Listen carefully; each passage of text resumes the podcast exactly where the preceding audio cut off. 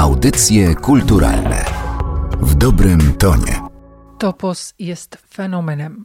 Nie tylko jako grupa bardzo silnych osobowości poetyckich i dwumiesięcznik literacki, który w tym roku świętuje jubileusz 25-lecia. Nad tym fenomenem zastanawiają się badacze literatury, sami twórcy oraz czytelnicy. W audycjach kulturalnych przynosimy się do dworku Sierakowskich w Sopocie, gdzie mieści się siedziba redakcji pisma Topos, prowadzonego od początku, czyli od roku 1993 przez Krzysztofa Kuczkowskiego, którego najkrócej przedstawić mogę jako poetę spotkania. Zatem spotkanie rozpoczynamy od wiersza. Bom, bym, bo. Z tomiku Ruchome Święta. W niedzielę, tuż przed końcem świata, warkot kosiarek na działkach, chichot dziewcząt ze szkoły tańca, kocie śmiechy w nasturcjach. Czy widziałeś nowe niebo i nową ziemię? Bombym, bo, bombym, bo. Czy widziałeś niebo i ziemię nową? Jednych rozprasza pisanie, innych życie. Jedni tańcują, inni kołaczą do drzwi, za którymi nie ma nic. Nic podobnego do tego, co już wiesz. Czy widziałeś nowe niebo i nową ziemię? Bombym, bo, bombym, bo. Czy widziałeś niebo i ziemię nową? Nocą słucham głosów za dnia ukrytych. Świat nocą mówi półgłosem, a może głosu ćwiercią. Ćmy zlizują światło z lamp. Co jest za śmiercią? Czy widziałeś nowe niebo i nową ziemię? Bombym, bo, bombym, bo. Czy widziałeś niebo i ziemię nową? Pierwsze pytanie, jakie panu zadam, wynika z jubileuszu 25-lecia Toposu i z tego, co obserwuję od lat. Czy dziś przyjaźń wśród poetów jest jeszcze możliwa? Naturalnie. Przyjaźń wśród poetów zawsze była możliwa. Bo dlaczego by nie? W każdym środowisku ludzie się przyjaźnią, szanują nawzajem i e, czytają siebie też nawzajem i czasami z dużym smakiem, z dużą satysfakcją. Często towarzyszą twórczości swoich przyjaciół, znajomych. Ja to mam nie jako zawodu, bo redagując czasopismo, no muszę towarzyszyć tym ludziom, którzy u mnie na przykład debiutują, którzy pojawiają się na łamach. Potem przez lata niektórzy z nich pojawiają się na, w czasopiśmie, obserwuję ich dalsze losy. Bywa, że przyjaźnimy się, bywa, że poznajemy się bardziej. No więc to jest cały szereg takich spraw. No, ogólnie rzecz biorąc, z ludźmi trzeba się przyjaźnić i trzeba ich szanować i trzeba z nimi rozmawiać. To skoro rozmawiać, widziałam jak to jest z kręgiem toposu. Wy nie tylko się przyjaźnicie, ale wy lubicie ze sobą być. Nie tylko na łamach. To prawda, ale wie pani, to wymaga pewnych warunków, bo nawet jeżeli kogoś się bardzo lubi, a ten ktoś jest kiepskim twórcą, to trudno się lubić do końca, bo zawsze pozostanie jakiś taki margines, no coś zostanie niedopowiedziane. I tu są potrzebne te dwie rzeczy. Ten ktoś musi być wartościowym, pełnym człowiekiem i musi być no, dobrym pisarzem dobrym poetą, dobrym twórcą, artystą. Nie? I wtedy te rzeczy się dopełniają i już nie ma, nie ma tego podtekstu, który byłby, gdyby któraś z tych rzeczy była e, niedopełniona. A tak się składa, że przez, no mieliśmy dość czasu przez 25 lat, żeby, żeby te nasze przyjaźnie poetyckie umocniły się, wzrastały. Oczywiście to nie, są, to nie jest jakieś szaleństwo, no, nie kontaktujemy się na co dzień z sobą, ale... Ale jak już się spotkacie... To lubimy być w swoim gronie, lubimy opowiadać, lubimy... Ja lubię słuchać o tym, co wydarzyło się u moich w większości młodszych kolegów, i cieszę się tym, że mają osiągnięcia, że nowe książki, że tytuły naukowe, że życie im się dobrze układa. No tak jak ludzie z ludźmi, no co, cóż, no, a poza tym jesteśmy twórcami, poetami, pisarzami. Ten rozwój naukowy to też jest wasz jeden ze znaków. szczególnych, że to są i poeci, i jednocześnie miłośnicy, ale i badacze literatury. Tak, natomiast to są badacze literatury i z dużymi osiągnięciami. Dopiero co przecież y, Wojciech Kudyba został profesorem zwyczajnym i nie pierwszym w kręgu toposu.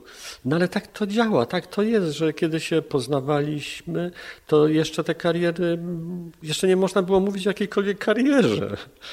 Po prostu byli to debiutanci, byli to ludzie jednej książki, dwóch książek czasami i to jeszcze y, takich, o których nie zawsze chcieli pamiętać. I potem po prostu przez, przez lata y, takiej wspólnej obecności w literaturze i w życiu żeśmy wzrastali. Ja nie mogę wyjść z podziwu nad moimi kolegami, którzy po prostu robią wielkie rzeczy. Przemysław Dakowicz, Wojciech Kas, Wojciech Kudyba, Jarosław Jakubowski, Adrian Gleń, Wojciech Gawowski, nie wiem czy już wymieniłem, Artur Nowaczewski. No to jest cała plejada znakomitych, znakomitych pisarzy, dramaturgów, prozaików, krytyków literackich, a też przecież naukowców, a poza tym wszystkim wspaniałych ludzi. Czy teraz, obecnie jest jakaś podobna grupa literacka w Polsce? Prawdopodobnie podobnej nie ma, bo gdyby była, to bym o niej słyszał. Więc myślę, że jesteśmy jednak takim troszeczkę fenomenem w świecie literackim.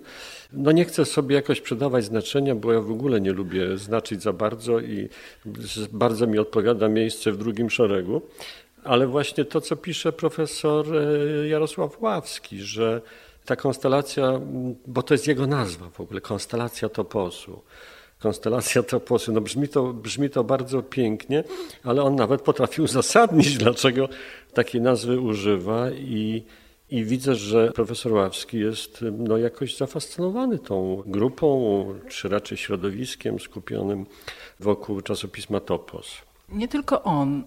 Skoro mówimy już przy okazji tych 25 lat, a możemy mówić przy okazji ćwierćwiecza, wspomniał Pan o wspieraniu debiutów młodych.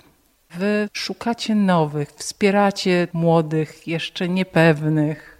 To jest bardzo ważne, żeby upierać się przy tych ludziach, którzy obdarzeni są e, jakimś wyjątkowym talentem. Z poprzednim numerem Toposu wydaliśmy debiut poetycki Aleksandry Zinczuk z Lublina. Książka pod frapującym tytułem Ja, D, jadę, jadę. No ale to jest znakomita rzecz. Ja pierwszy raz y, wydałem y, czasopismo z, nie z dwoma książkami, jak to bywa zwykle, ale z trzema, bo tak bardzo mi zależało, żeby ta książka się ukazała, bo jak pani wie, debiutanci czekać nie mogą i gdybym jej tego tomiku nie wydał, kto inny by go wydał, a chciałem go bardzo wydać, bo uważam, że jest to debiut y, niezwykły, wybitny. No z tym y, numerem, który właśnie przygotowuję, ukaże się kolejny debiut, tym razem Michała mm, e, Czoryckiego, mieszkającego w Anglii. No też no znakomity, znakomity poeta, zupełnie inny żywioł poetycki. Tym razem jest to poeta taki troszeczkę klasycyzujący, czerpiący z ducha Rilkego, Kawafisa. Trakla, może odrobinę Benna, no ale to są te klimaty, wie pani, to trzeba, jak się znajdzie kogoś takiego i no to już nie można tego człowieka puścić, bo trzeba zobaczyć, co będzie dalej, bo to jest, to jest niezwykła historia czasami, jak to poezjowanie się rozwija, jak, on, jak ono nabiera swojego kolorytu, jak poeta dochodzi do swojego własnego języka, jak to wszystko patrzeć na to, sycić się tym, jak to wygląda, jak się tworzy prawdziwy, prawdziwa osobowość. No to jest jedna z możliwości, którą się ma, jak się redaguje czasopismo. Nie wszyscy kojarzą topos i nie wszyscy y, wiedzą skąd się wzięła nazwa. Więc nazwa się wzięła stąd, że została wymyślona. Autorem nazwy jest poeta profesor Kazimierz Nowosielski. Topos czytany w SPAK daje nazwę miasta Sopot. Ale też topos ma dla nas to znaczenie pierwotne, właściwe, bardzo istotne. To są te miejsca wspólne w kulturze. To są te miejsca spotkania. Y, to są te miejsca, w których nie zapomina się o tradycji, o przeszłości. Pamiętamy skąd wyszliśmy i to nam daje siłę do tego, żeby dokądkolwiek zmierzać. Bo gdybyśmy nie mieli tej wiedzy o tym, skąd wyszliśmy, gdybyśmy nie szanowali własnej tradycji, to dokąd mielibyśmy iść? Czy można wskazać datę, kiedy wasz krąg powstał? Czy on cały czas powstaje? On cały czas powstaje i nie jest to krąg zamknięty i wokół nas jest taka grupa y, osób, twórców, którzy w zasadzie są niemalże tak samo blisko, no jak ta nasza pierwotna ósemka, która jakoś tam się konstytuowała. I to też jest w sumie sprawa przypadku, dlatego że akurat w takim składzie, bodajże na festiwalu Pisz i czytaj poezję w Piszu, byliśmy na taką większą e, grupą na spotkaniu autorskim i tam prowadząca spotkanie nagle nazwała nas grupą poetycką ku naszemu zdumieniu. No ale potem się okazało, że rzeczywiście no, to środowisko twórców skupionych wokół toposu jest takim rodzajem e, grupy poetyckiej. No może nie takiej jak Powie pani, no grupy poetyckie to się zakłada, jak się ma 17, 18, 19 lat i to jest wtedy frajda i wspieramy się nawzajem i mówimy o sobie, że jesteśmy genialni i tak dalej, i tak dalej. Tutaj nie o to, nie o to chodzi, na to już jest za późno, na taką e, zabawę grupową. Natomiast skoro ludzie nas tak postrzegają, to po co z tym walczyć? No i tak to zostało i ten skład taki, tego pierwszego środowiska tak właśnie się ukonstytuował. Ale w międzyczasie i z latami przychodzą nowi ludzie, którzy tworzą jak gdyby drugi krąg toposu i pojawił się już trzeci krąg toposu. I, i tak to działa, no. I tak to działa. Kontynuując tę powściągliwość, chyba nadszedł czas na czytanie. Przypis do Miłosza z tomiku Ruchome Święta. Słowa coraz mniej znaczą, jakby już nie pochodziły od Stwórcy wszelkiego sensu, tylko od oślej szczęki, wielkiej jak przęsła Golden Gate. Żywą mowę zastąpił bełkot afatyków. Rzeczywistość zaparła się samej siebie. Język doszedł do skraju nieważności i przestał być językiem. Słychać głos, nie słychać słów. Czym jest głos bez słowa? Właściwie jest już ślepy. Powiększone litery skaczą na ekranie monitora jak wróble na śniegu.